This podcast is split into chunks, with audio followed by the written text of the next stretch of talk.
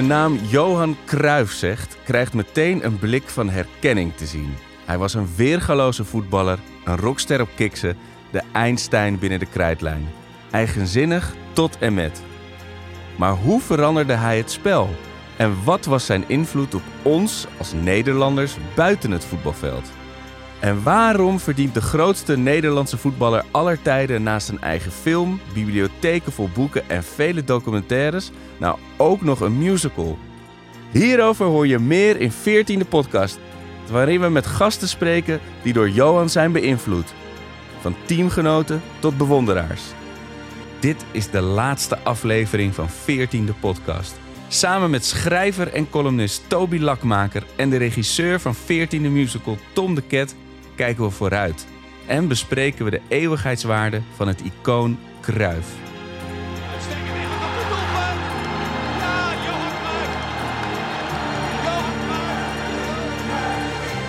Aan tafel vandaag in de zesde en eh, helaas alweer eh, laatste podcastaflevering over Johan Cruijff. Over 14, de musical.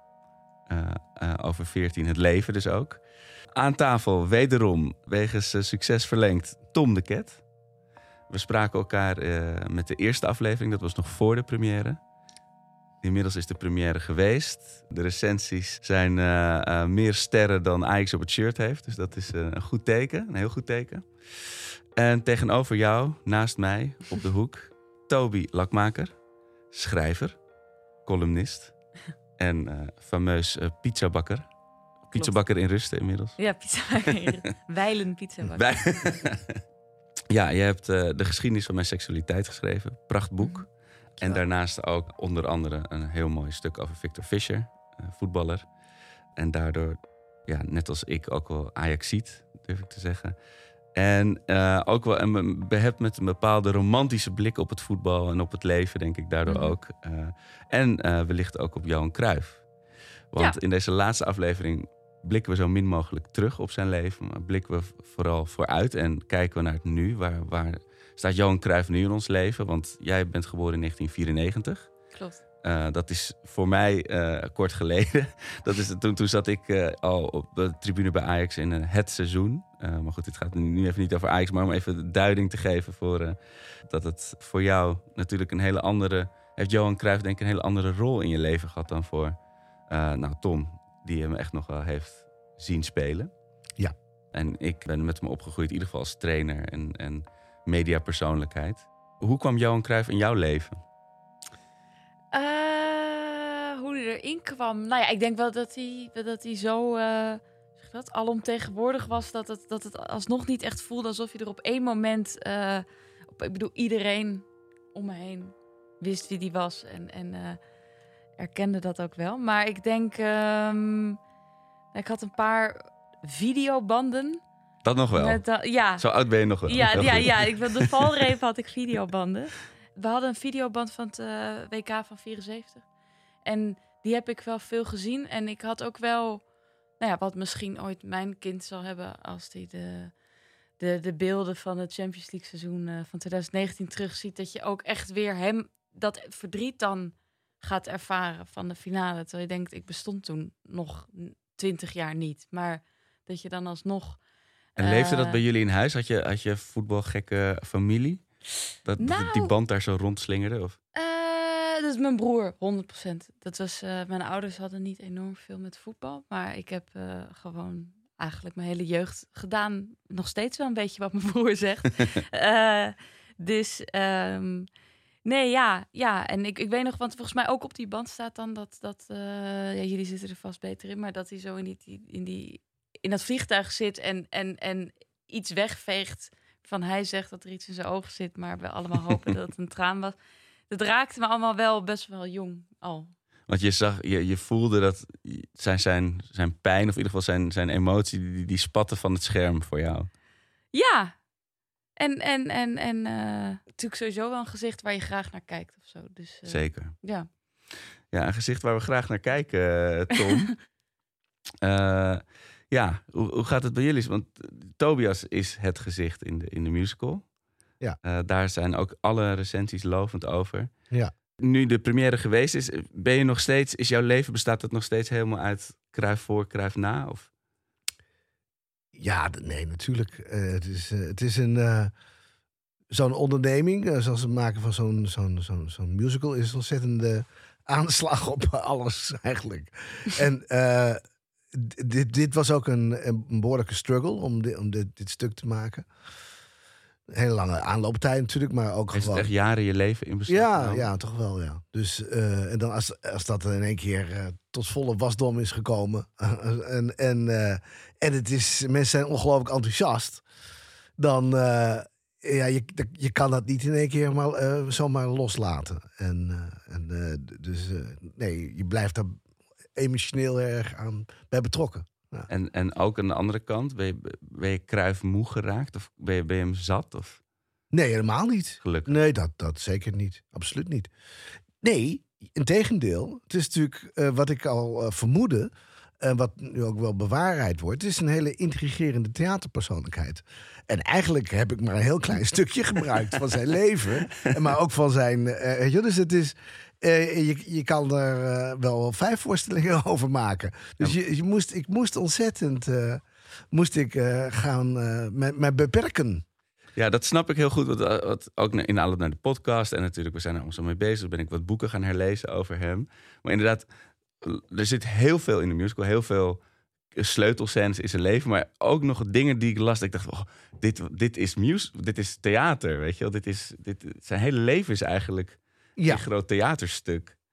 Ja, zeker. Eh, dus dramatisch gezien is dat natuurlijk zo. Want het is eigenlijk, zou je kunnen zeggen, een soort eh, ja, eh, klassiek Hollywood sprookje van rags to richness.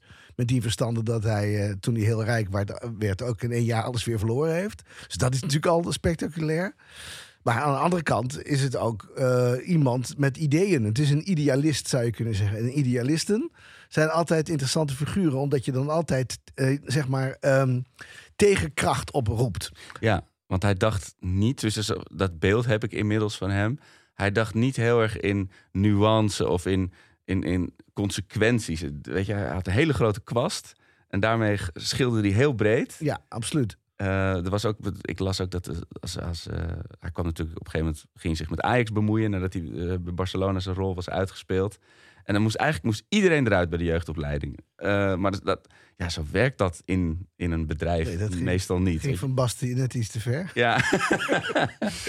maar dan was, dan was het voor hem ook gelijk klaar. Van nou, als jullie niet Ja, naar me luisteren. nooit meer gesproken. eh, Nee, dat klopt. Eh, dus dat, dat compromisloze is ook heel interessant. En waar komt dat vandaan, weet je? wel? Dat komt, nou ja, we, we proberen natuurlijk in de musical daarover een antwoord op, op te geven. Over dat, ja, hij, eh, bij hem ging alles over winnen. Hè? En verliezen voelde voor hem zoiets als doodgaan. Maar ja, Ja. als je dat... nou, dat is een beetje wat jij ook omschrijft waarschijnlijk. Wat jij zag in die, in die video. Ja. Hoewel, ja, misschien kreeg je echt iets in zijn oog. En, eh, We stellen het voordeel van de twijfel. allemaal... eh, Maar wat je zegt, alles, alles was een wedstrijd voor hem. Hij ging ook, weet je, elk stoplicht, elke rood stoplicht was een nederlaag. Ja. Weet je wel? Dat, dat onthield hij ook echt. Maar ik vroeg me af, van, je, of jij zei dat je een, een klein stukje maar hebt gepakt uit zijn leven. Van, ik, ik, ik, ik weet er nog niet zo heel veel van. Nou, zeg maar, we- Als je al die boeken leest, dan zijn dat zo ontzettend veel verhalen. Zo ontzettend veel ja. eh, onderwerpen waar je het over kan hebben. En, en eh, dan moet je dus eh, gaan, gaan selecteren. En dat heb ik met name gedaan. ja, eigenlijk op het feit dat ik dacht van waarom is Cruijff voor zoveel nog steeds zo'n heel aansprekend figuur? Mhm.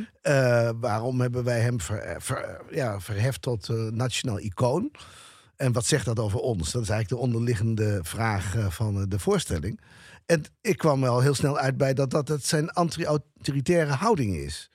En dat rebelse. En, en, en dat zit helemaal in ons DNA, zou je Ja. kunnen zeggen. En, en, eh, en, en dat, daar zijn wij uitgeboren als Nederlander. Maar zijn wel een beetje kwijtgeraakt allemaal. Dat, dat, dat eh, an- anti-autoritaire. We zijn een veel meer een braver volk geworden dan in de tijd waar een Kruif leefde, de jaren 60, 70. Zeker, maar je, dat, Ja. op een politiek niveau speelt het nu. Het is nu eind september eh, 2021 en de, de- er zijn nu met QR-codes en, en restaurants in. En Ja. dat anti-autoritaire komt natuurlijk. De regelzucht heeft eh, het gewonnen. Nou ja, de- die, strijd is gaande inderdaad. Eh, Ja. ja, zeker. Ehm, Dus, dus de, ik heb me daarop heb ik me gefocust. Ja, en en ben, je, het- ben je zelf, oh sorry, eh, ben je zelf ook auto- anti-autoritair van aard? Uh, eh, tot op een zekere hoogte, zeker ja. Nou ja, goed, ik heb altijd eh, stukken gemaakt die eh, eh, analyse waren van de macht in Nederland. Ik weet niet of je dat, de, de Verleidersreeks kent. Dat eh, ja, zijn stukken die gaan over nou ja, de macht van banken, grote bedrijven, eh, het, het niet meer functioneren van onze democratie, de tegenmacht. Hè, wat nu al- juist deze la- laatste jaren heel erg eh, naar boven is komen drijven met Pieter Omzicht en eh, de toeslagenaffaire en zo. Nou ja, dat zie ik altijd. Ja. Eh, en ik denk dat het heel gezond is, wat Cruijff ook altijd zei, van eh, ja, de, de eh, autoriteiten en de bestuurders en de bobo's en de beroepsbabbelaars, daar, daar moet je altijd een gezond wantrouwen tegen hebben. Ja, hè, dat was zo. Ja. En, Ja. was hij een goede regisseur geweest? Nou, het leuke is dat ik mij voorgesteld heb dat eh, de, de hele voorstelling van hoe zou het nou zijn als ik Johan Cruijff zou moeten regisseren. oh ja. En dat is wat, wat dit stuk geworden is natuurlijk. Dus eh, ik, ik denk dat hij het uitstekend zou kunnen. Maar goed, hij neemt dan, dan, dan daarom ook eh, de macht over in het stuk. En rebelleert tegen de regisseur en de schrijver. En, en dat is, dat is dat, ik denk dat hij alles inderdaad ongeneeslijk beter wist. En zijn, er- zijn er nog voetbalwetten die je, of, of Cruyffiaanse wetten die je hebt meegenomen in het, in het, in het maken? Ehm, ik heb het hele concept van totaalvoetbal heb ik vertaald in de regie. Dus dat alles eigenlijk gaat over eh, wa- wa- wat je wil bereiken is een dynamisch aanv- eh, eh, aanvallend spel. Dus dat betekent veel van positie wisselen. Dat betekent dat je elkaars rollen over moet nemen, ook in het veld, maar ook dus in het stuk. Dat betekent dat eh, iedereen eh, eh, eigenlijk het met elkaar samen moet spelen om anderen te kunnen laten excelleren. Dat, dat, dat zit eigenlijk, die principes zitten allemaal in, in de regie. Oh, wat mooi zeg. En dat klinkt heel abstract, maar Nee, als je nee, het stuk ziet, dan zie je van, dat dat ook eh, eh, eigenlijk eh, waar is. Want ja, En- en- iedereen speelt bij ons ook alles. Mannen, eh, vrouwen, alles door elkaar. Mannen die vrouwen spelen, vrouwen die mannen spelen. Het maakt allemaal niet uit. Draaischijven, loopbanden, alles komt uit de lucht. Alles is, beginnen steeds met een leeg veld. En dan wordt alles veranderd. Elke scène. Dus het is eigenlijk een heel. Het is, wat dat betreft is. Eh, krijg je eh, geen statisch geheel, maar iets wat constant in beweging is. En moesten de, de, de spelers, of de, de toneelspelers daar ook voor op trainingskamp, zoals, zoals voetballers dat moeten voor een WK? Nou, je kan wel zeggen dat dat heel zwaar is geweest voor, voor ze. Dus Ja. het is een enorme discipline heeft dit vereist. Eh, ze moesten alles kunnen. Dansen, zingen, acteren. En allemaal op een behoorlijk hoog niveau. Dus ze, ze hebben eh, zich helemaal uit de naad gewerkt. Ja, met blessures tot aan toe. Gebroken benen hebben helaas ook meegemaakt. Scheidswissel. Ja, dus dat is, eh, het, is, het, heeft wel, het is wel een aanslag geweest op, eh, op ieders, eh, zeg maar, eh, fysiek. Ja. Ja, ja.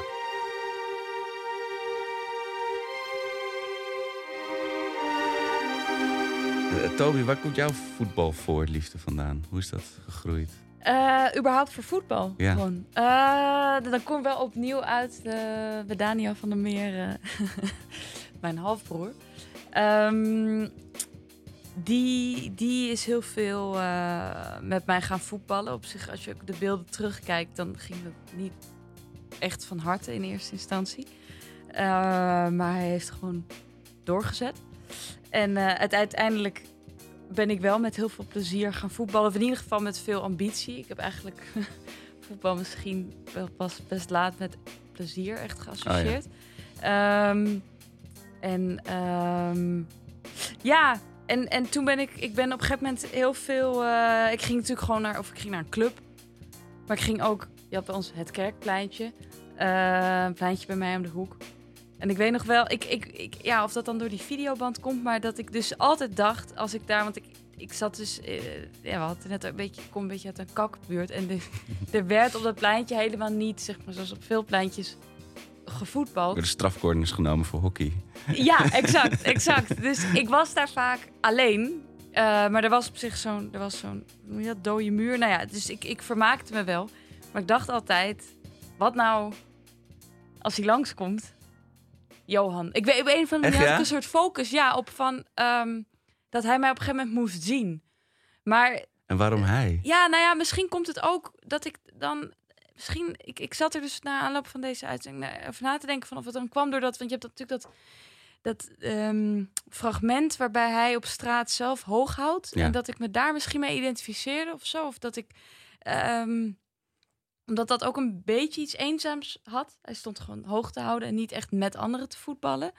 Ehm, ik dacht altijd, hij moet me waarnemen. Maar de, de, de, de eh, tragiek was dus dat ik een keer... Ik heb daar echt ongelooflijk veel uren doorgebracht op het plein. En nooit is hij langsgekomen. En toen fietste ik een keer terug van school door de Jacob Obrechtstraat... waar dus het pleintje aan grenst. Toen liep die gozer langs. maar ik was niet aan het... Ik, Oh nee, Ja. na al die jaren. Het had gewoon gekund. Ja, dat is echt. ehm, dat zijn een paar van die. Waarschijnlijk als ik ooit de pijp uit ga, dat ik dan nog eh, Johan Cruijff zo door de Johan, eh, Jacob Obrechtstraat zie lopen. Ultieme gemiste kans. En waarom Cruijff? Waarom is hij zo bij je blijven plakken? Ehm, ja, ik denk, ik denk toch de, de stijl. Ik bedoel, hij heeft natuurlijk gewoon iets. eh, of daarom zal hij denk ik ook wel zo tot de verbeelding spreken. Dat er is een soort esthetiek of zo die over hem heen hangt. Die eigenlijk groter is dan voetbal. Klinkt een beetje klef, maar dat denk ik wel. Ik weet niet precies hoe dat is gegroeid. Ik weet nog wel dat ik bijvoorbeeld ehm, met, met schoolvoetbal. ehm, misschien dat dat een soort kantelpunt. Ik, je had dus school. Ik, ik voetbalde bij een club, maar je had ook dus een soort van toernooitje met, met, je, met je klas. En eh, omdat ik eh, best wel op een jongen leek, eh, maar wel bij de meisjes voetbalde, kreeg ik altijd ehm, heel veel hoon over me heen Hmm. omdat ik ook relatief goed was. Dus dan gingen altijd die ouders klagen van... Oh. eh, er zit een jongen bij de tegenpartij. En toen, en toen was het een soort van dieptepunt dat ik een keer een wedstrijd had... dat alle ouders eh, nou ja, echt een soort van begonnen te scanderen... dat ik dan een jongen zou zijn. En nee. ik, werd, ik, het was natuurlijk een beetje door aangedaan, maar toen was er één moeder uit, uit- van, van de tegenpartij die mij een soort van kwam troosten of haar excuses kwam aanbieden namens die, die ouders. En die zei van meid, eh, je speelt net als Johan in zijn eh, begindagen of zo. En ik denk misschien dat dat, want ik was toen wel echt jong, dat ik ook dat het als een soort van geuze ja, eh, dat, dat, eh, identiteit op me heb genomen. dat wordt wel eh, heel hard in de harde schijf, harde schijf opgeslagen, zoiets denk ik in je leven. Ja. Ja. Dat als ik. Klopt, inderdaad, het, het, het negatieve, maar ook wel dat ik dacht: als die vrouw gelijk heeft, dan kunnen ze me eigenlijk niks maken. Hm. Mooi zeg. En heb je hem ooit, heb je hem ooit ontmoet? Heb, heb je hem dit ooit kunnen vertellen? Nee, nee, Nee. nee, nee. nee ehm, ik heb, volgens mij is ook de keer dat ik hem toen zag lopen, de enige keer dat Ja. ik hem fysiek eh, heb gezien. Ja. En wat, wat herken je iets van hem in jou? Of andersom? Nou, eh, je wil natuurlijk. Ivo- Of Nico Dijkshoorn zei ooit over Frenkie de Jong van... Frenkie de Jong is hoe je zelf dacht dat je voetbalde... totdat een van de vaders een videocamera meenam. dus ik, ik, ik zou graag mezelf in een soort lijn plaatsen met Frenkie en, Johan. Ook qua spel, omdat ik wel ook die positie heb. Ja. Ehm, ik doe wel, maar pas later mee begonnen. Ik heel erg ben gaan wijzen zo op het veld. Terwijl ik, daar ben ik eigenlijk pas mee begonnen tegen de tijd dat ik in een vriendenteam zat en überhaupt niemand meer echt keek waarnaar ik wees.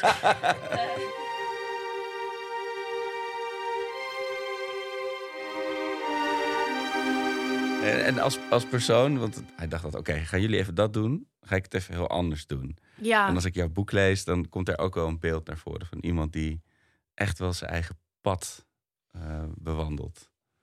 ja, maar ik denk wel wat Kruif in die zin op mij voor heeft, dat hij wel eh, is blijven praten met. Ik, ik trek denk ik dermate mijn eigen plan dat ik eh, dus gewoon dan maar in mijn eentje een boek schrijf en zeg hoe ik vind dat het, dat het Ah, zit. Waar hij zich nog wel eh, in ieder geval, dat is het knap. Kijk, je kan bij zo'n organisatie, bij Ajax denken, het moet allemaal anders. Maar als je inderdaad eh, het dermate anders wil, dat alles op de schop moet, dan, nou ja, ik, ik, ik zou me vervolgens terugtrekken omdat ik die confrontatie niet aan durf te gaan. En hij eh, heeft dat natuurlijk wel heel Je erg zou een boek gedurfd. schrijven over wat er anders zou moeten bij Ajax. Ja, dus wat Dat zou betreft- Johan niet doen. Nee. ik, ik, in in dat opzicht is hij dapperder dan ik. Eh, dat hij wel ook met gestrekt been vervolgens eh, dat gesprek aangaat. Ja, hij was wel altijd bereid om schepen achter zich te verbranden, volgens mij. Onverschrokken. Ja. Absoluut. Maar ook hoe hij vroeger voetbalde als kind. Ook. Je had het net over die, eh, die schooltoernooien. Daar is hij Ja. echt ook ontdekt. Hè. Zelfs Sjaak Zwart. Hè. Ja. Ging daar naartoe. En dat was echt een fenomeen. Daar, daar, daar voetbalde Jochie. Die moest iedereen zien. Maar dan had hij daar toen ook al eh, die onverschrokkenheid. Hoe Ja. hij eh, door... zeg Maar- maar, ja. Nee, ik bedenk me opeens, wat jij zei, want hij had wel die columns in de Telegraaf. En daar, die waren eh, berucht, want daarin, wat daarin geventileerd werd, was Johans mening. Dus hij kon wel degelijk gewoon denken van, nou, ik wacht even en dan daal ik van, me, van de berg af om te laten weten op de tabletten staat. Dus hij had wel degelijk ook zijn columns en ze, ze, eh, die werden dan wel door iemand anders geschreven, maar Ja, wel een, een, een schrijfmoment om, om, zijn, om zijn punt te maken. jij wil toch meer raakvlakken nog Ja, dan, ja, ik, dan ik zou willen met Johan. Ja, ja. En speelde je met nummer 14?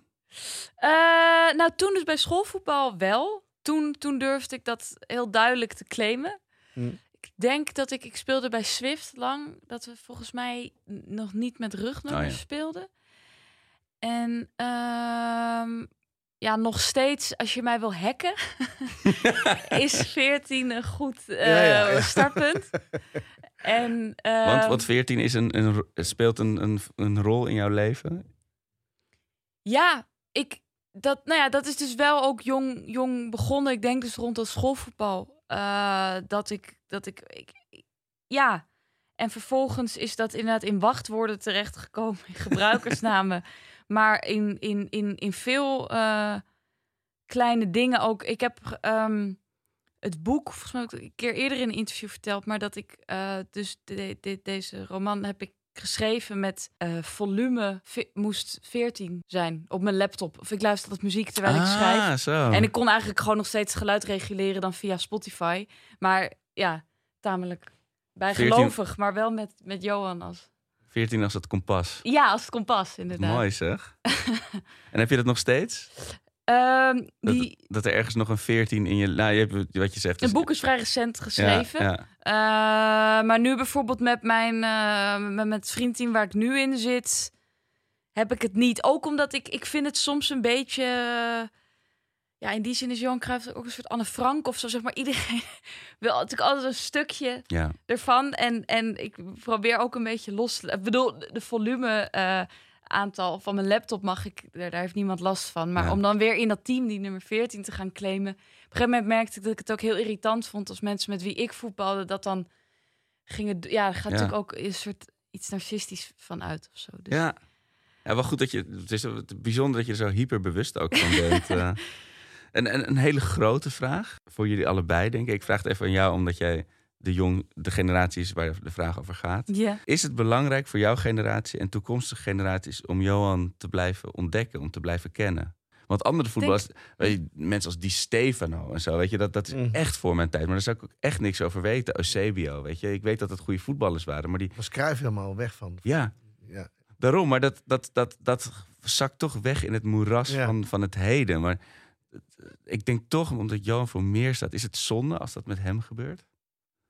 Ja, ja dat, eh, voor mij is dat evident natuurlijk. Maar eh, sowieso eh, denk ik eh, dat eh, ehm, wij onze helden eh, niet goed eren. En eh, ook niet daarvan leren en zo. Wij, En wij als in Nederland? Nederla- Nederlanders, ja, absoluut. Ehm, Welke helden eren we dan nog meer niet? nou, geen enkele toch? Eigenlijk, het is maar... eh, het is, eh, Hoe eer je een held? nou, door, door hem in leven te houden. Ja, ik denk dat het belangrijk is om, eh, ja, zeg maar, ehm, dingen mee te pikken van, van mensen die tot ons spreken vanuit, de, ja. eh, uit het verleden. Ja, en, en- Ik had het ook heel interessant ook eh, af en toe om oude schrijvers, filosofen te lezen. En dan te kijken van, nou, ja, hoe relateert zich dat tot onze tijd? Ja, ik, vind, ik ben zelf dus iemand, mijn kinderen, gelukkig voor hen zijn ze nog te jong voor me. Ik, ben, ik verheug me heel erg op om allemaal namen op straatnamen dus eh, te vertellen wie dat dan waren en waarom die belangrijk waren. En deze, deze kunstenaar heeft ook de brandweerslang uitgevonden, dat soort verhalen. Dat is, pap, ja, dat heb je al verteld. Maar is dat dan het niveau, weet je, is, is straatnaamniveau eh, genoeg? Ook al is het stadionplein dus nog niet naar Johan Cruijff. Of een stadion, is een stadion naar hem genoemen genoeg? Nou, dat is, is natuurlijk een enorme eer en zo. Dat is, wel goed, maar je- ik denk dat het moet het iets verder gaan natuurlijk. Van, kijk, eh, dat hele dynamische eh, voetbal en dat je, en dat je op een hele andere... En, en dat je... En dat voetballers eh, iets te zeggen moeten hebben over, eh, zeg maar, eh, eh, eh, hun club en over eh, hoe het georganiseerd is. Ja. Dat, is. dat zijn ideeën die zijn bij Johan eh, tot volle wasdom gekomen. Dat, die, dat moet je weten, lijkt mij. Ja. Net zoals je, als je muziek maakt, hè, Ja.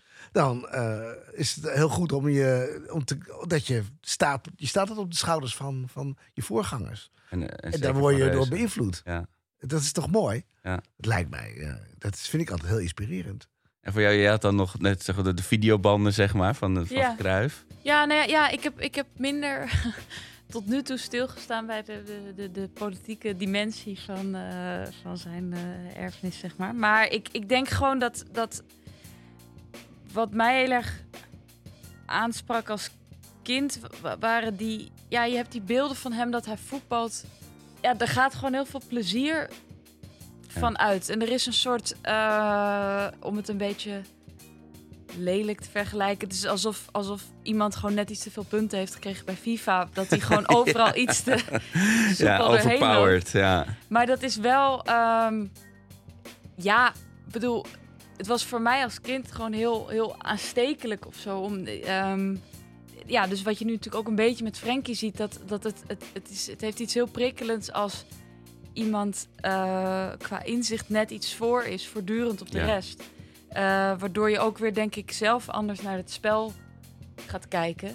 En, en je natuurlijk als kijker altijd je, je soort van ijdel kan denken van ja, ik zie ook wat hij ziet. Terwijl je natuurlijk gewoon. Ja, ja, ja, ja. Eh, En het is, denk ik, eh, een ode aan creativiteit. ja, En dat is wat bij mij ontzettend aanspreekt. Je weet nooit wat er gaat gebeuren. Hij had ook geen repertoire, zei hij zelf ook. En hij bedacht het op het moment. En dan, Mhm. en dan in een split moment. En dat is natuurlijk wat je ziet. En dat Ja. is ook volgens mij wat er gebeurt eh, bij kunstenaars. Ja, da- en da- daar ligt de link met, met de kunst, inderdaad. En ik denk dat het, het- Er is natuurlijk veel gezegd en geschreven over zijn uitspraken en die zijn geanalyseerd. Maar toch zit daar wel de essentie. Want als, weet je, als, hij, als hij ging praten, hij wist niet eh, als hij vertrok waar hij ging eindigen. Maar hij deed wel met volle overgave.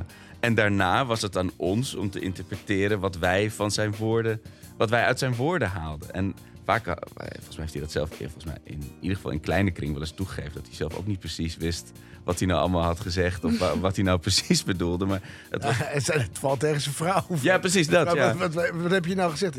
Als sla je me dood, zei hij. Ja, maar dat is, dat is kunst. Het is Ja. voor anderen, het, eh, dus zo, zo zie ik dat, te interpreteren. Wat, wa- je mag er zelf iets uithalen. Je mag er zelf iets mee doen. Zaterdag 25 september, het is de dag van de eh, première in Leusden. En het is een drukte van je welste. Er is een perstent gemaakt eh, voor de ingang van het theater. En de sterren druppelen binnen. En zo spreek ik een aantal mensen deze middag die kunnen vertellen over wat de impact is van Cruijff op hun leven. Zoals Daniel Dekker, eh, Radio 5-presentator, maar ook voorzitter van de Raad van Toezicht. De Raad van Toezicht van de Sportersvereniging van Ajax. Ja, dat is nog steeds de grootste supportersvereniging van Europa. We zitten op dit moment zo rond de 120.000 leden. Ehm, nou, dat is zeker in deze tijd, hè, na eh, wat we met z'n allen hebben meegemaakt, COVID. Dat we niet meer allemaal naar de stadions konden. Ehm, ja, dat we, dat we de club hebben gemist. eh, dat iedereen toch lid is gebleven van onze vereniging. Daar ben ik ontzettend trots op. Voetbalsupporters kunnen nu weer naar hun eigen theater, de Johan Cruijff Arena. Eh, vanavond staan wij bij een, ehm, bij een ander theater waar die musical van eh, Cruijff gaat plaatsvinden, de, de première daarvan. Ehm, hoe relevant en hoe belangrijk is Johan Cruijff nu nog, anno 2021, voor een club als Ajax? Nou ja, daar hangt een mooi spandoek in de Johan Cruijff Arena. Het stadion is niet voor niets naar hem vernoemd, nog niet zo heel lang geleden. Daar staat op de nummer 14 voor altijd.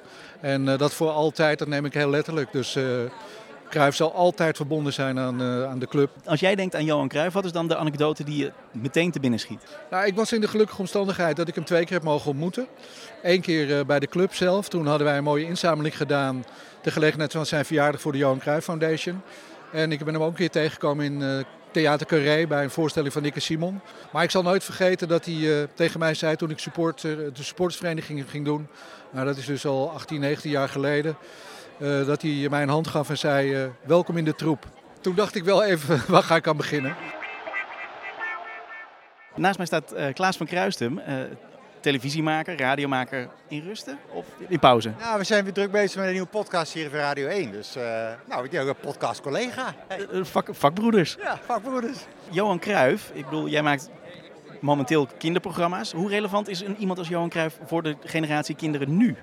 Ja, enorm. Als je kijkt wat Johan Cruijff Foundation uh, uh, heeft gedaan en doet... Uh, dat, die impact die is niet te onderschatten. toen hij nog leefde, is dat ooit een keer op mijn netvlies gekomen. En ik heb daar altijd een soort warm gevoel bij gehouden. En nog steeds is die foundation gaat nog steeds door. Zorgen voor speelplekken, sportplekken. Op plaatsen waar nou ja, veel kinderen wonen die het niet zo breed hebben. en, en met als achterliggende gedachte van hey, iedereen moet dat kunnen doen. En die sport die verbroedert en die brengt bij elkaar. Het is gezond voor je. Dus het mes snijdt aan vele kanten. Het is echt tof. En hoe leg jij uit aan kinderen van nu wie Johan Cruijff was? Beste voetballer ter wereld, met een gigantisch charisma, een enorm ego en een, een vocabulaire waar je u tegen zegt. Over de rode loper loopt een, een meisje in een volledig Ajax-tenue met op de rug uh, de naam Lotta. Lotte, wat weet jij van Johan Cruijff? Um, nou, erg veel dat hij, ik vond hem de beste voetballer van de wereld. Wat maakt hem de beste voetballer volgens jou? Nou, um, hij was heel snel en hij, um, hij had erg veel balcontrole. En hoe oud ben jij? Ik ben 10 jaar oud. Uh, Henk-Jan Smits, Radio 5-presentator uh, en, en echte muziekman. Uh, op zijn negende vanuit Almelo richting het Gooi verhuisd. In die periode denk ik dat je hem wel veel hebt zien spelen. Dat ik uh, heb zien spelen? Ja, nee, dat zou je denken. Dat was ook logisch geweest. Ik heb alleen niks met voetbal. Maar echt helemaal niks. En dan nog ken ik Cruijff. Weet je, er zijn een paar spelers die iedereen kent. Ook mensen die niks met voetbal, die nooit voetballen kijken. Ik, het, interesseert me ook allemaal niks. Maar Cruijff is een fenomeen. Een Cruijff is een fenomeen met, met een eigen taal. Uh, ik bedoel, het is zo, er zijn zoveel. Iedereen kent natuurlijk uh, elk nadeel heeft zijn voordeel. Of elk voordeel heeft zijn nadeel. Nee, elk nadeel heeft zijn voordeel. Maar uh, wat ik heel vaak gebruik in mijn lezingen voor het bedrijfsleven, wat ik naast Radio 5 ook nog doe, is. als er geen doelen zijn, kun je ook niet scoren. En dat is zo'n open deur als wat. Maar ja, dat is wel een typische Kruif-uitspraak. Heb je hem ooit ontmoet? Ja, uh, heel lang geleden. Toen ik was ik denk ik net nog geen twintig. Toen bediende ik op een, uh, een of ander duur feest waar hij te gast was. En toen herkende ik hem niet. En toen toen zei hij wel even, maar ik ben Johan Cruijff. Toen zei ja, maar dat maakt mij niks uit. dus dat was niet de beste ontmoeting die ik ooit in mijn leven heb gehad.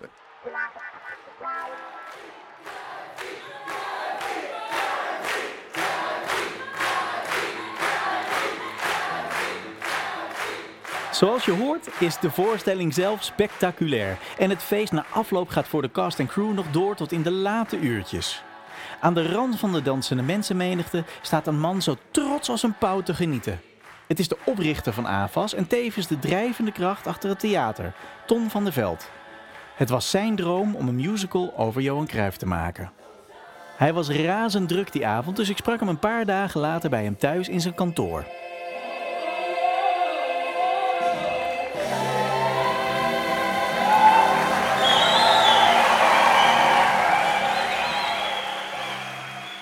Tom van der Veld, uh, oprichter van AVAS, sinds 1974 in de automatisering uh, uh, werkzaam. Hoe komt iemand vanuit de softwarewereld erbij om een theater te bouwen en een musical over Kruif op poten te zetten? Ja, weet je, dat, dat ligt natuurlijk wel wat terug in de tijd. Wij hebben als AVES zijn hebben wij wel wat met theater en alles wat daarbij hoort. Wij, hebben, wij hadden in het vorige gebouw hadden wij ook een theater. Dat was een theater met 250 stoelen. Omdat wij grote groepen klanten ontvangen, grote groepen mensen ontvangen. Die wij graag uitgebreid willen informeren over onze software. Want ja, we zijn een softwarebedrijf. Wij automatiseren half Nederland, om het zo maar te zeggen. Uh, dat is eigenlijk de, de, de aanleiding waarom wij een theater hebben. En wij, hebben, wij zijn uh, tien jaar geleden zijn wij met het plan begonnen om, om iets heel nieuws te bouwen, een nieuw hoofdkantoor. Daar was eigenlijk zoiets van hoe kunnen we hetzelfde bereiken als wat we voorheen doen, maar wellicht toch wat uitgebreider. Was dat vorige theater was dat ook al voor uh, publiek toegankelijk of was dat alleen voor intern? Dan? Nee, dat was eigenlijk hoofdzakelijk voor intern. Dus de uitdaging hier was nu wel om een theater te zetten die gewoon een open eindproductie zou aankunnen. even voor de, voor de luisteraar die dit hoort en er geen beeld, beeld bij heeft. Ja. Uh, je komt van de snelweg af, je afslag, afslag uh, Leusden en je komt aanrijden en je ziet een enorme koepel. Een koepel, ja, het, het, is bijna een soort wereldbol lijkt het wel van een afstand. Ja. Uh, en dan rij je verder en dan blijft het gebouw maar voortduren. En aan de voorkant staat het zou het hoofdkantoor Het hoofdkantoor van ja. En ja, daartussenin ja. hebben we nog een restaurant en... En een atrium en een, en binnentuin. Ja, ja, ja. ja, Nou, dan moet de volgende vraag uh, eigenlijk ook wel duidelijk zijn. Want we hebben nu het theater en AFAS aan elkaar gekoppeld. Maar waar komt dan Johan Cruijff vandaan ja, in dit verhaal? Ja. ja, dat is toch wel de, de, de, de oude jeugdliefde, om het zo maar te zeggen. De, de, de held uh, die, in mijn, uh, die, die in mijn leven is geweest. En ja, Johan was gewoon een fenomenale voetballer maar ook een fenomenale coach. En, en, en wat hij niet allemaal meer was. Uh, ja, en, en ik had altijd zoiets van, jeetje, het zou wel gaaf zijn als we, als we, als we dan een musical gaan doen, in, hè, een eerste musical gaan doen, dat dat over het leven van Johan Cruijff zou gaan. Dus die had ik gedeponeerd. Eigenlijk, had gezegd, jongens, uh, is dat niet gaaf? En ik had hem ook aan mijn zoon geweld, Bas. En die is eigenlijk, ja, die kwam met, met Tom de Ket kwam die in aanraking. En uh, toen hadden ze het zo'n beetje, hey, zou er niet iets moois kunnen? En toen werd er gedeponeerd, nou laten we een, uh, is het niet mogelijk om een musical van Johan Cruijff te ja. maken. Ja. En toen is Tom daarover na gaan denken. Ik geloof niet zo heel lang, dag of veertien dacht ik. Maar dat weet ik niet precies, moet jij aan hem vragen. Uh, ja, en, en, en, en die vond het toch een heel goed idee. En die is een script gaan schrijven en die is dat helemaal gaan uitwerken. En ja, en daar staat hij nu. Dus jij kan wel voorstellen dat ik afgelopen zaterdag kippenvel had wat mij overkwam. Want ja, dan en je eerste thea je, je, je theater wordt opgeleverd. Het was een eerste grote voorstelling. En dan ook nog zo'n succes. Ja, ja het, was, uh, het was voor mij echt uh, kippenvel. Maar dan nu de hamvraag. Heeft hij hem ooit ontmoet? Nee, ja, ik ben wel als kind zijnde ben ik naar de meer geweest samen met mijn vader. En dan speelde hij een van zijn eerste wedstrijden. En ja, toen is waarschijnlijk wel dat, dat zaadje al uh, uh, geplant, ja. om het zo maar te zeggen. Dus uh, dat was echt wel, dat was echt wel kicken.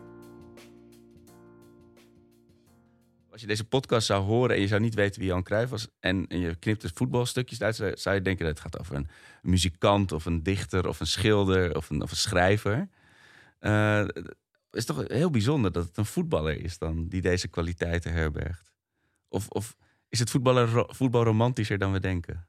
Het is sowieso natuurlijk gewoon prettig in het praten over Cruijff... dat voetbal het vertrekpunt is waardoor het gewoon een beetje door klasse of, of, of milieu heen snijdt. Ja, en heb je als, als groot speler, dus als je boven de, de uitvoerders uit wil steken... heb je dan ook een taak om, om juist je in maatschappelijke dingen te roeren? Zoals laatst was natuurlijk de spelers die zich tegen racisme of tegen Qatar zouden moeten uitspreken of niet meer met uh, Voetbal Insight wilden praten. Heb je, heb je als grootspeler die taak om, om maatscha de maatschappij in te gaan met je mening? Nou, als, uh, als, als mens, lijkt mij. Ja. Uh, ja. Um, ik vind het altijd heel erg goed als mensen zich durven uitspreken. En, en het, het lef hebben om datgene wat ze vinden ook te ventileren.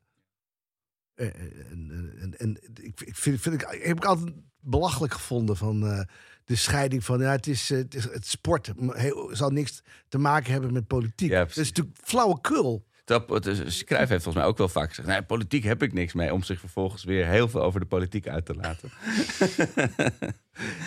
Ja, hij deed het op een hele andere manier natuurlijk. En dat zat helemaal in, dat, in die anti-autoritaire Ja. houding van hem. En was eigenlijk natuurlijk, eh, ging dat over politiek bedrijven. Ja, eh, de, en nou, wat hij later bij Ajax gedaan heeft, ging ook wel over politiek. Weet je. Ja. Het gaat een ander soort politiek, maar het gaat wel over. Iedereen eh, eh, heeft een eigen stem, heeft een eigen, eh, heeft, moet een gelijke kans krijgen. Weet Ja. je wel? Dan, eh, eh, dat was voor, juist in die tijd was dat eh, heel erg revolutionair. Want heel Nederland was natuurlijk verzuild. En Ja. ze, eh, zei braaf wat je moest zeggen. Nou, hij zei, ik maak het zelf wel uit. Ja. Wat ik er ergens van vind. En, En ik heb ook wel inmiddels een beeld van hem gekregen dat hij. eh, dat- het voor hem ook echt waarschijnlijk heel vermoeiend was. Dat hij inderdaad zo ver. Hij dacht zoveel sneller dan de rest. En hij, weet je, zijn hersenen gingen zo snel. En hij zag dingen zoveel groter en geanalyseerder. Eigenlijk zoals Messi voetbalt. Voor, voor Messi gaat het voetbal veel langzamer dan voor ons. Dus hij kan Mm. veel meer. Maar dat, dat moet voor hem toch ook gek zijn geweest. Moet- Dat hij met al die stervelingen de hele tijd maar moest uitleggen hoe het nou moest, weet je wel. Waarom zie je dat nou nog niet? Maar jullie zijn het er wel mee eens dat. Want ik heb hem dus nou ja, dan weliswaar op videobanden maar zien voetballen. Dus ik ben wel daar redelijk van overtuigd.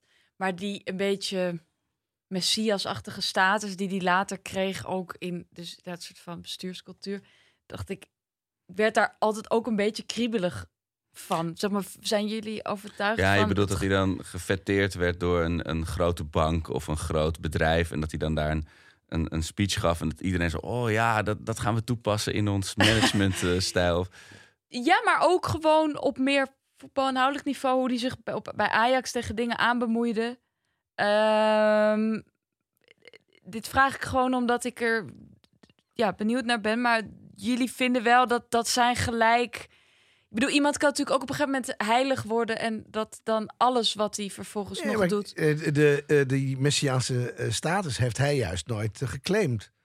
Eh, en, en dat is het leuke van, van Johan. Die praatte met iedereen. En iedereen was voor hem even belangrijk. Dat maakt, en, daar gaat er trouwens de musical ook over. Dat wij als volk hem die Messiaanse status toedichten. En hij was de enige die niet wist dat hij Johan Cruijff was. Zei Frits Barend.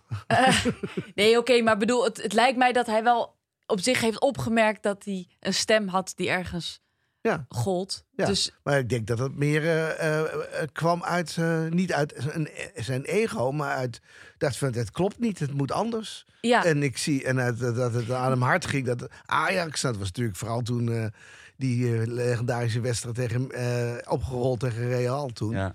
Nou, dat kon hij gewoon niet aanzien. Het was, hij heeft altijd gezegd, het is mijn familie Ajax. Ja. Dus Mhm. hij zei van, er moet echt nu iets gebeuren. Ja, maar je, je, je vindt wel dat hij dat, dat, dat die baanbrekende inzichten, dat hij die is blijven behouden. Dat dat niet iets is. Op een gegeven moment kan iemand, kan je ook denken, oh, daar is Johan weer. Hij zal wel weer iets baanbrekends zeggen, omdat het Johan. Maar je vindt wel dat hij dat, dat is blijven waarmaken tot het eind.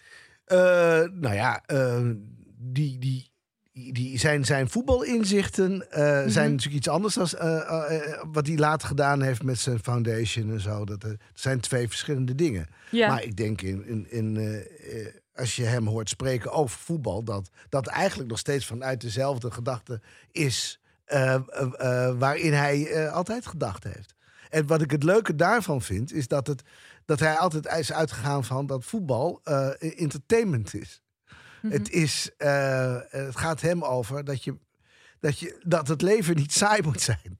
Dat, dat je moet durven, dat je moet, eh, moet creëren, dat, dat, dat je creativiteit moet toestaan. En zo moet je toch ook eh, in het leven staan. Dat is, dat is mooi. En dat, dat- heeft hij altijd gepropa- gepropageerd. Is dat ook wat je hoopt? Dat je hoopt dat mensen van Johan meenemen naar de toekomst? Ja, dat lef. Ja, het lef. En, en, en- en- om een dingen heel anders te doen. Ja, Dat is toch anders.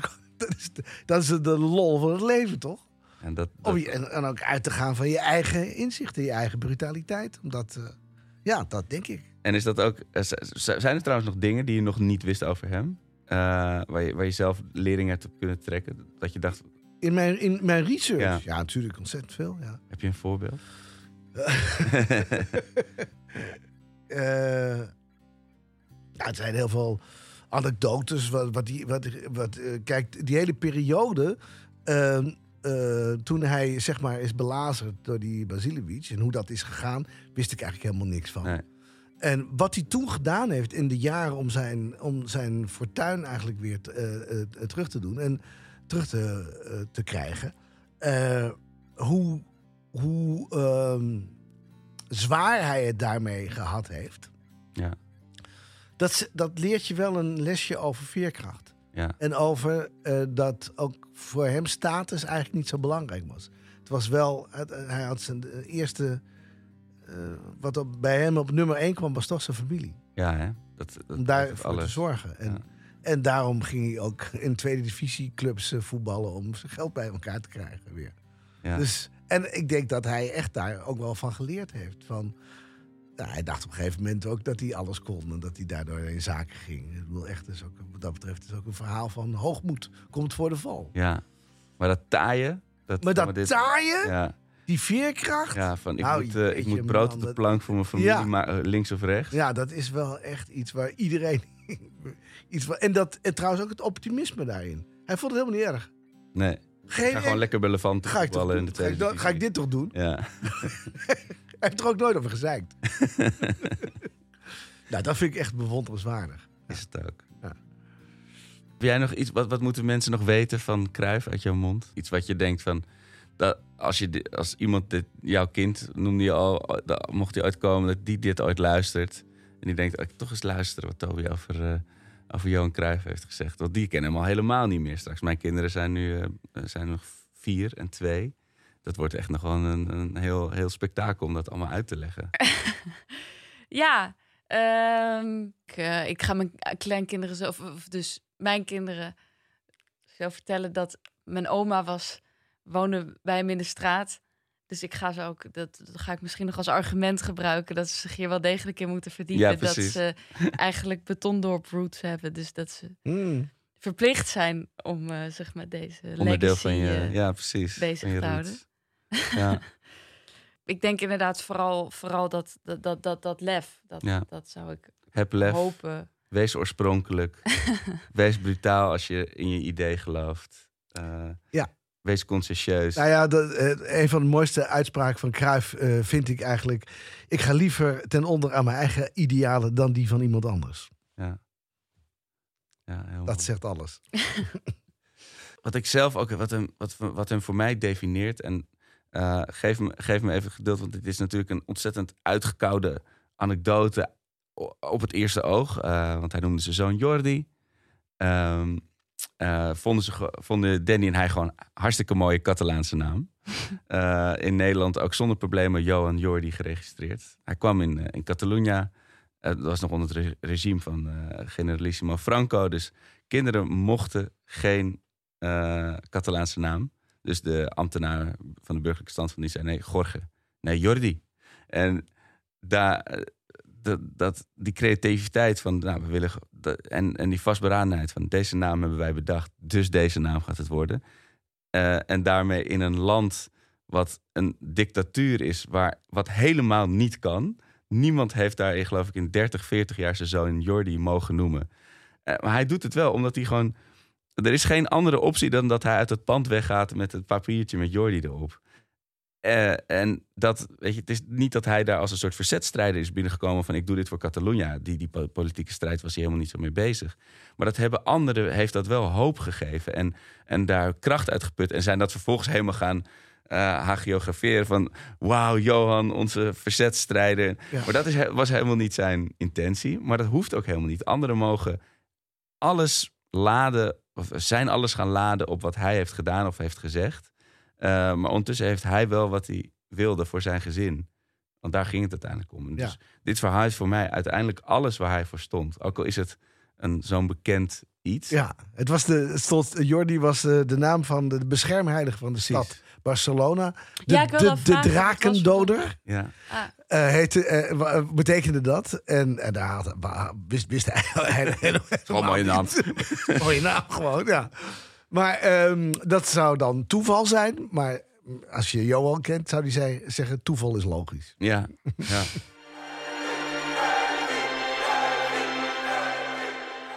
Maar is, is wat musicals hebben, zover ik weet, nooit sequels. Soldaat van Oranje 2 is volgens mij nog niet gemaakt. Over de, maar het was ook geen Tweede, tweede Wereldoorlog. Maar goed, in ieder geval. Eh, en eh, eh, kun je dan ook zo dwars zijn en zeggen... we maken eh 14 de musical deel 2 over zijn latere jaren? Ja, dat zou best kunnen, denk ik. In, di- in dit geval. Ja. Verheugings. Leuk. Maar misschien moeten we die dan maken in Barcelona. Nou, de, regen kletst hier Ja, tegen de ramen van de studio. Dus eh, eh, count me in. Nee, Eh, bij, bij, bij, bij ons is, is het natuurlijk een held. Maar als je in Catalonië komt, dan is het echt een absolute held. ja, is, dat, is hij daar nog, Ja, man. nog anders groot? Ja, goed, je kent toch die beroemde film van Raymond Gieling? Zie, un momento dado. Hem de Dado, weet je. Nou, dan zie je dat. Ja. En, en eh, een vriend van mij, die is- is ook een filmmaker... en die heeft ook een keer eh, eh, eh, iets gedaan met Cruijff zelf in Barcelona. En, en die wist niet wat hem overkwam. Die liep met hem dus door de straten heen en overal. Ja. ja, die volle overgave waarmee ze hem daar Ja. vereerden. Volgens mij vond hij dat op, in het begin zeker ook wel echt mooi. Want in Nederland was het, nou, doe maar normaal, Johan, met je spaties. En daar, daar was het, weet je, was hij wel echt iemand. En hij hoefde nergens te betalen en alle Nee. deuren gingen open. En Ja, ja, ja, dat, dat, wat je zegt, hoogmoed komt voor de val. Ja. Dus dat ook een prijs. Maar volgens mij was, kreeg hij daar wel de erkenning waar hij hier toch stiekem misschien Ja, een beetje hij, hij vond het, en dat vond zijn vrouw ook, dus, eh, een heel warm onthaal. Ja. Dus, maar dan Eh, klopt het toch niet helemaal dat... Je zei net, Johan Cruijff was de enige die niet doorhad dat hij Johan Cruijff was. Maar nee, eh, als hij echt die bescheidenheid had, dan, dan ging hij toch ook niet zo eh ja, hij bleef, hij die bescheiden in de zin dat hij met iedereen praatte en iedereen, eh, zeg maar... eh, Mensen lieten Ja, hun paspoort niet- signeren, hij gooiden niet- pennen en papier uit het raam, zodat je ze kon signeren. En dat deed het allemaal. Ja. Maar het was wel de tijd dat hij... Hij maakte ook heel veel dealtjes. En, en weet je, het was inderdaad wel de tijd dat hij echt in overdrive ging. Ja. Hé, hey, maar jongens, ik wil even... Ik, ik wil gaan afsluiten. Ja, ja. Eh, je hebt hele, jullie hebben hele mooie dingen over Johan Cruijff gezegd. Over de, over de musical gezegd. Ehm, voor mij eh, luisteren hopelijk ook ontzettend veel mensen van buiten Amsterdam. Maar voor mij vertegenwoordigt Johan ook heel erg de, de waardes die op het stadswapen staan. Heldhaftig, vastberaden, barmhartig. En dat heldhaftig, dat is, daar, daar kun je over discussiëren met een, met een sportheld. Maar wat je zegt, hij, heeft, weet je, hij is wel onverschrokken geweest. Hij, is, eh, eh, hij was voor de duvel niet bang en hij ging gewoon. eh, hij volgde overal consequentieloos zijn hart. En vastberaden hebben we het ook over gehad. Hij gaf nooit op. Ook al lag hij helemaal op zijn bek. En barmhartig, ja, voor zijn naasten. in, in zijn liefdadigheid met zijn stichting. Dat, dat is voor mij Johan Cruijff geworden. En dat is ook wat ik hoop over te brengen op bijvoorbeeld mijn kinderen. Of eh, jonge fans op, de tribune, voor zover die naar mij willen luisteren. maar eh, ja, bedankt voor de, de tijd die jullie wilden besteden aan, aan Johan, aan nummer 14. Dit was het zesde en laatste deel van 14e podcast. Wil je meer weten over de musical? Kijk dan op 14themusical.nl. En vergeet niet om de podcast te delen met je vrienden op social media. En geef alsjeblieft likes en sterren waar je maar kan. Deze podcast werd gemaakt in opdracht van 14e Musical door Dag en Nacht Media, Koen Maas en de vele spraakzame gasten die we in de afgelopen afleveringen hebben laten horen. Bedankt voor het luisteren.